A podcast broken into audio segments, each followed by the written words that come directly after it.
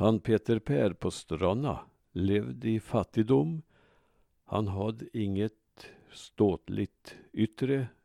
Men hans namn lever vidare tack vare hans stora kunnande och tack vare hans uppfinningsrikedom och stora hantverksskicklighet.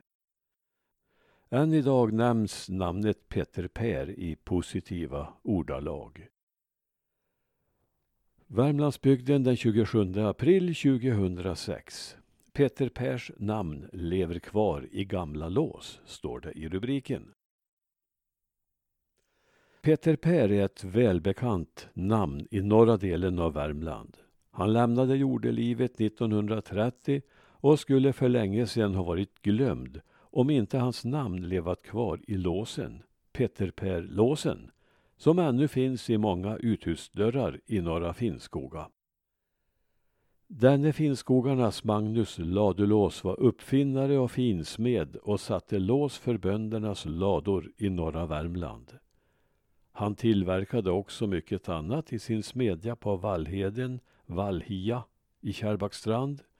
Men det var låsen som var hans signum och som alltså har burit hans namn till eftervärlden.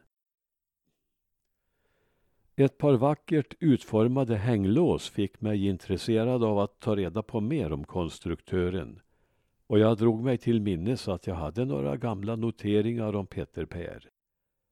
Det var Otto Engström och Erik Tellander som en gång lämnat ganska samstämmiga uppgifter om denne skicklige man, där det visar sig att han var mer än låssmed. Något av innovatör var han onekligen. Hans tekniska intresse fick honom en gång att tillverka en egen cykel. Det lär ha varit den första i Finnskogarna och han var nog inte så långt ifrån att lyckas.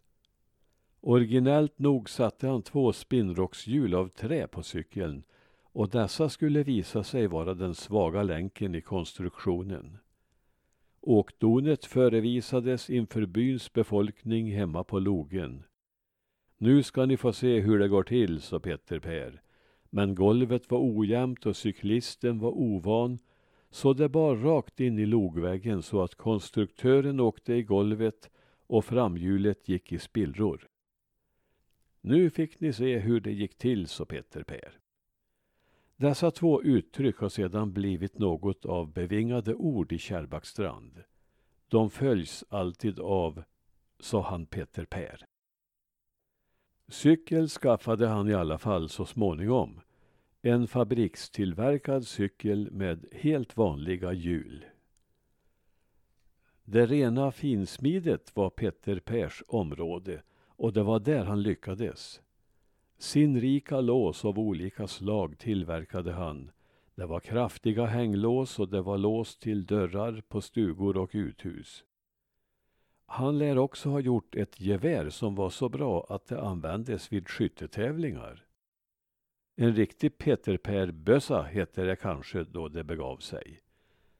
En fällkniv med låsanordning gjord av samme tillverkare minns Arvid Jönsson från Strandberget.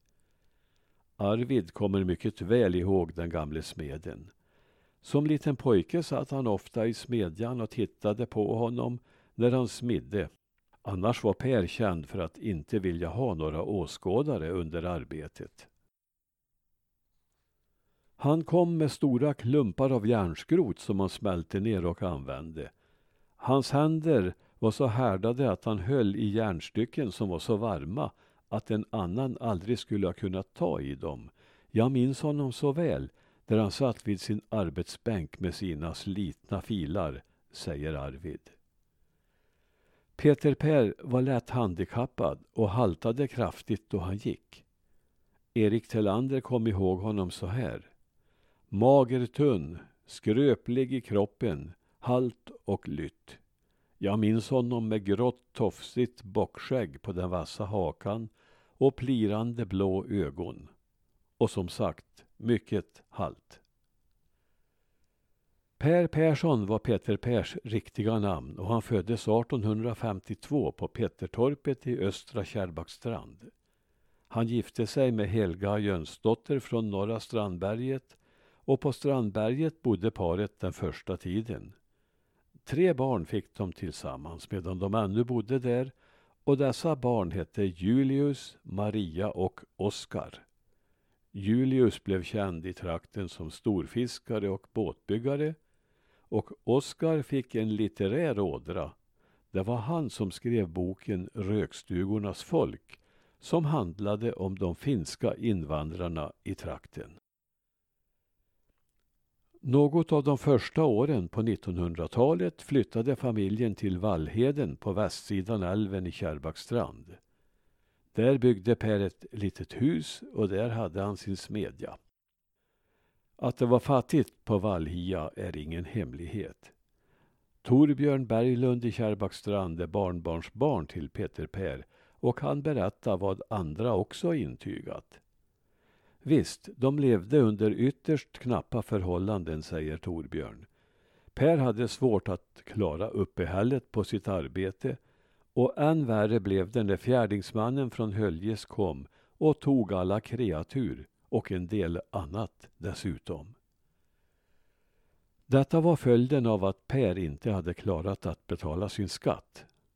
Efter detta blev situationen rent hopplös och Peter Per fick ännu svårare att klara familjens försörjning. Min far Edvin var på Vallheden vid det tillfället, berättar Torbjörn.